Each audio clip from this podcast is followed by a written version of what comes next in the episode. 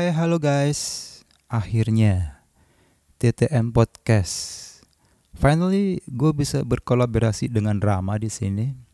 Ya, after sekian lama kita sering berkolaborasi di karya bersama ya. Ada audio drama, diskusi ide, banyak sih yang kita sering lakuin. Kita ketemu di community The Podcasters Indonesia. Nama Mbak. Pertama ketemu Rama itu pas sedang belajar-belajarnya berpodcast. Kalau kalian-kalian yang denger ini pingin tahu tentang podcast, belajar, ngembangin ide atau apa pun ya, sampai produksi, bisa kok kalian join-join di community kita, The Podcasters Indonesia. Ada Instagramnya, ada server Discordnya juga.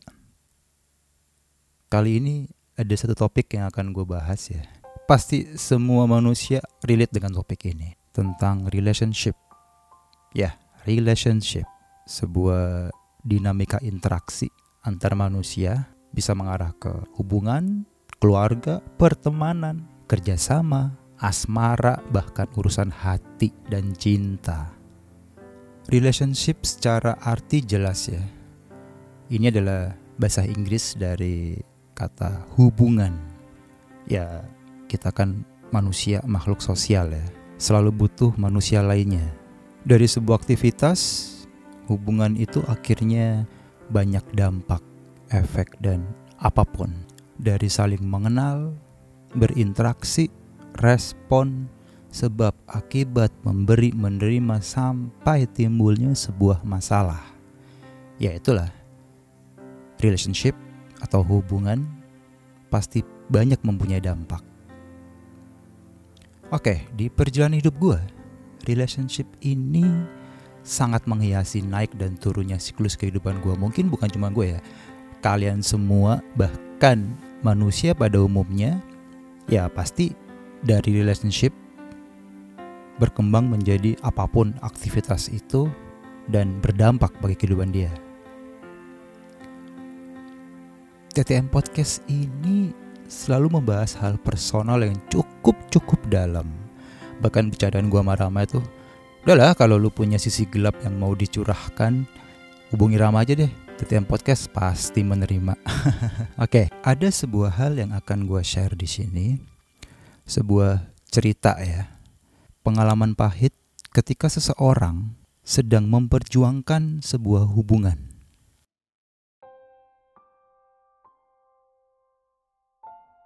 Tahun 2009 adalah tahun di mana banyak hal fantastis terjadi di kehidupan gue. Dari awal karir sampai ya banyak hal lah ya, dari circle pertemanan, berhubungan dengan bisnis, pekerjaan, apa pun itu. Dan salah satunya adalah ini. Sebut saja namanya Ferdi. Ferdi ini mengalami dua kali gagal nikah dengan orang yang sama No, no, no, no. Bukan karena konflik yes or no antar keluarga, bukan bukan hal-hal rejection lainnya. Hubungan mereka sangat lancar. Cuman ya paling problem jarak aja. Ferdi bertemu pacarnya Catherine di Paris. Ferdi yang saat itu kepingin bisa selfie di Menara Eiffel akhirnya ketemu makhluk manis bernama Catherine yang lagi ditugaskan di Paris. Catherine ini tinggalnya di California. Kebetulan dia sedang ada pekerjaan di Paris dan Catherine ini lahir di Solo. Oke, intro ini aja udah kayaknya ribet banget ya. Dan Ferdi yang awalnya rencana liburan cuma tiga malam, jadi extend sampai dua minggu karena makhluk manis bernama Catherine ini. Satu kata ya buat intro tadi itu mahal. Itu sih yang pasti kesimpulan sementara di hubungan mereka ini. Akhirnya Ferdi dan Catherine memproklamasikanlah mereka dan menjalani pintu baru dalam sebuah relationship. Catherine melanjutkan hidupnya di California. Ferdi tetap bolak-balik Jakarta Bali. Ya sesekali dia kesasar di California gitu seminggu. Gitulah posisi gue di cerita ini adalah supporter supporter karena Ferdi sahabat gue ya.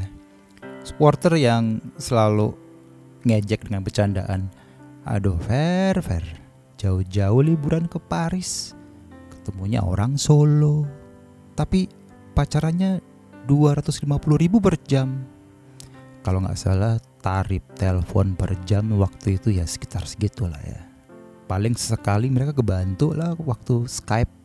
Walaupun ya kehalang layar gitu ya Oke, buat Gen Z yang mungkin tiba-tiba respon tahan dulu ya. 2009 komunikasi itu tidak semudah sekarang gitu ya. iPhone sama Android itu belum bisa berkomunikasi lewat data texting yang nyaman kayak sekarang gitu loh. Fasilitas video call pun masih premium. Ya seperti itulah. Sinyal 3G itu udah mewah walaupun saat itu ya posisinya naik turun gitu dah. Belum lahir WhatsApp belum lahir. Belum lahir men. Long short story akhirnya Ferdi ngontak gue Mbak bisa bantuin nggak? Bantuin apa nih? Gue mau bikin priwet nih foto sama video. Oh siap. Itu kan area gue ya? Siap jelas untuk sahabat gue yang namanya Ferdi ini gue akan all out gitu. Akhirnya lokasi ada di Bali area kekuasaan Ferdi. Jadi rencananya kita akan foto dan bikin video di Bali gitu. Oke okay, everything set up semua udah tergolong aman lah ya. Gue sama teman gue satu berangkat ke Bali. Gue kenal Ferdi ini posisinya udah sudah berpacaran dengan Catherine ya. Kalau nggak salah sekitar setahun deh. Jadi intro pertemuan mereka tadi itu gue belum kenal gitu. Jadi gue dapat cerita dari mereka lah. Gue dan Ferdi diperkenalkan dari sebuah business relationship tepatnya. Ya. hubungan pekerjaan yang lalu kita cocok klik dari yang awalnya kenal akhirnya bisa hangout bareng sampai kita jadi kayak sahabat gitu dah. Lanjut ke rencana foto dan video priwet tadi ya. Finally semua setup kita di Bali. Hari itu tuh Sabtu gue inget banget. Dua hari sebelumnya kita udah di Bali. Uh, bulannya tuh yang yang yang pasti mendekati akhir tahun lah. Oktober atau November Oktober kayaknya itulah. Pokoknya sekitar sekitar itulah ya. Sabtu siang itu akhirnya dapat kabar kalau planning hari itu di cancel dulu karena Catherine harus dilarikan ke rumah sakit. Jadi Catherine ini punya riwayat yang kurang mengenakan di kesehatannya ya. Karena ada permasalahan di kepala. Oke, ya udah. Finally siang itu udah kita nggak ngapain kita langsung ke rumah sakit di Denpasar waktu itu. Kita tiduran di Sanur ya. Ya udah di situ gue lihat Ferdi cuman termenung dan tiba-tiba dia ngomong Be tahun lalu itu gue hampir nikah dan gak jadi karena Catherine masuk rumah sakit juga. Oh wow. Gue cuma bisa diam ya dengar itu dan terus Ferdi melanjutkan ceritanya. Jadi akhirnya mereka sepakat untuk fokus ke penyembuhan Catherine. Jadi ya udah Catherine sembuh dulu deh gitu.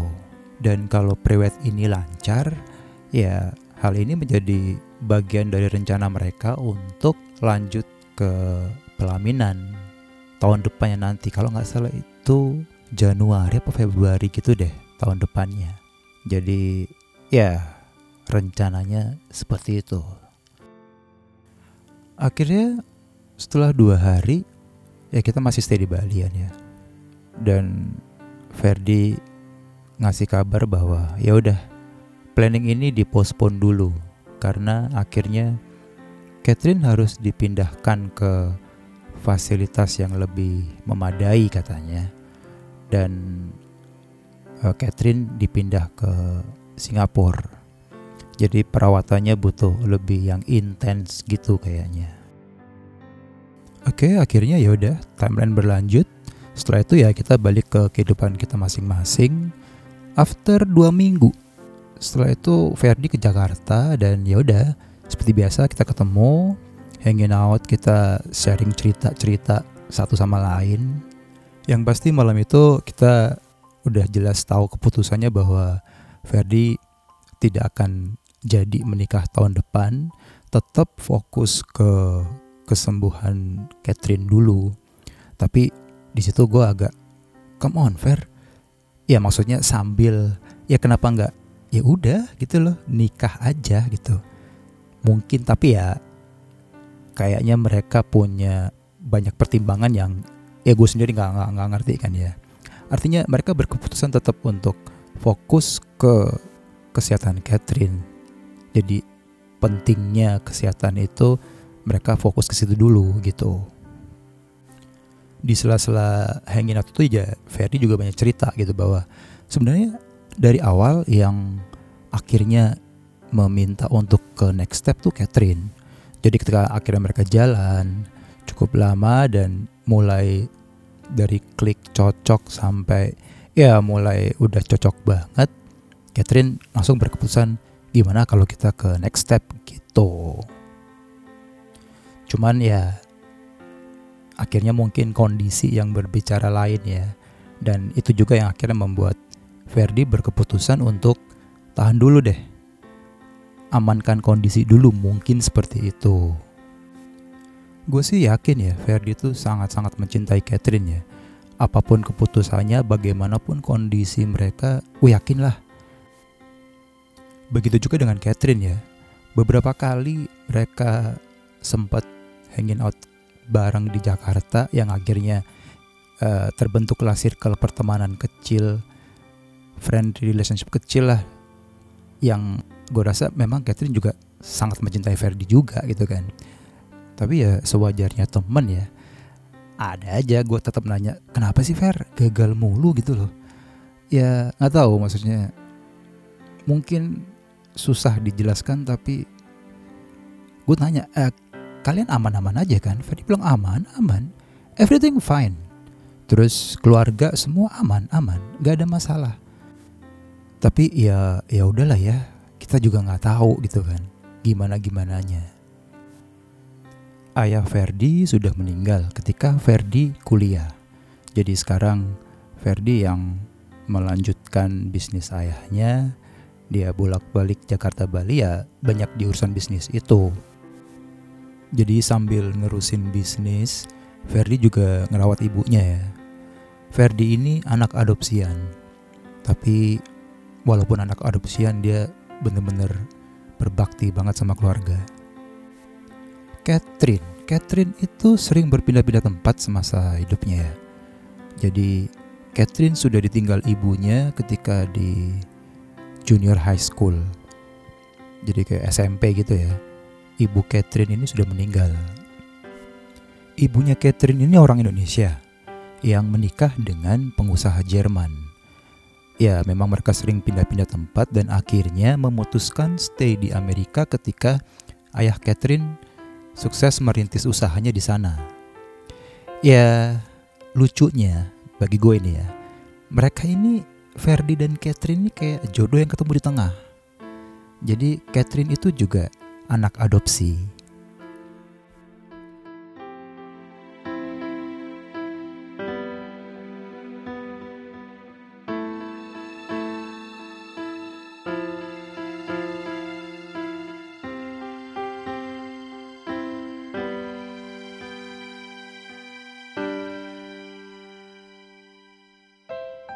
Satu tahun lebih waktu berjalan, akhirnya kabar meninggalnya Catherine pun sampai ke kita. Wow, itu kabar yang cukup mengembarkan circle pertemanan kecil kita ya. Jadi sangat-sangat gimana ya, kaget dan kita nggak bisa ngapa-ngapain. Ya kita cuma dengar kabarnya aja dan ya udah. Bahkan malam itu kita sampai kumpul di Kemang itu masih zaman adanya Food Fest Kemang ya dengan dagangan DVD bajakannya itu ya. Jadi kita sampai di sana udah ya Ferdi nggak ada sih. Kita ngumpul dan kita cuman saling berduka cita aja.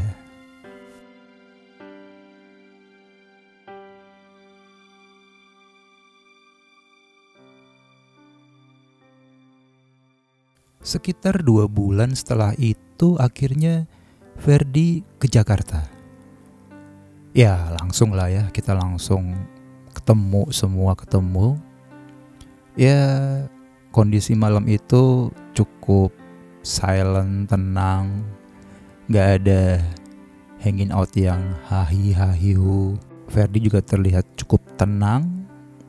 Dia bercerita semuanya, kita juga dengerin. Sesekali kita nanya, tapi ya kita nggak bisa ngapa-ngapain juga gitu kan. Tetap malam itu kita nggak percaya seorang Catherine sudah nggak ada. Tapi malam itu malam yang gak bisa kita lupain dengan cerita Verdi. Malam itu tuh kita bener-bener disuguhin satu cerita yang mungkin seperti plot twist gitu ya. Jadi Verdi tiba-tiba menutup malam itu dengan cerita singkat bahwa Catherine itu kakaknya. Mereka terlahir kembar dan terpisahkan di rumah sakit. Catherine terlahir terakhir dan harus berjuang beberapa hari melewati masa kritis. Setelah Catherine melewati masa kritis, akhirnya ibunya menghembuskan nafas terakhir. Jadi Ferdi diadopsi duluan. Gue nggak tahu gimana kondisi saat itu ya. Ya cerita besar ini kebongkar ketika ada keluarga jauh dari Catherine yang melihat postingan foto ayah Ferdi. Jadi Catherine tuh kayak nge-repost foto ayah Ferdi untuk menyemangati dirinya. Lalu, boom.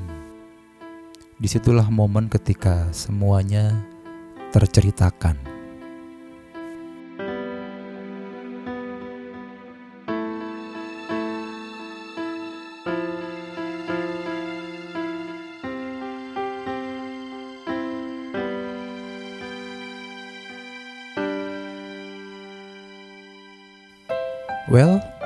Relationship. Nampaknya semakin banyak rahasia tersembunyi dari kata ini. Sahabat TTM di mana pun kalian berada, selalu ingat ini. Bahagia sendiri buat apa? Resah sendiri itu nggak nyaman. Sekian dari gue, BX.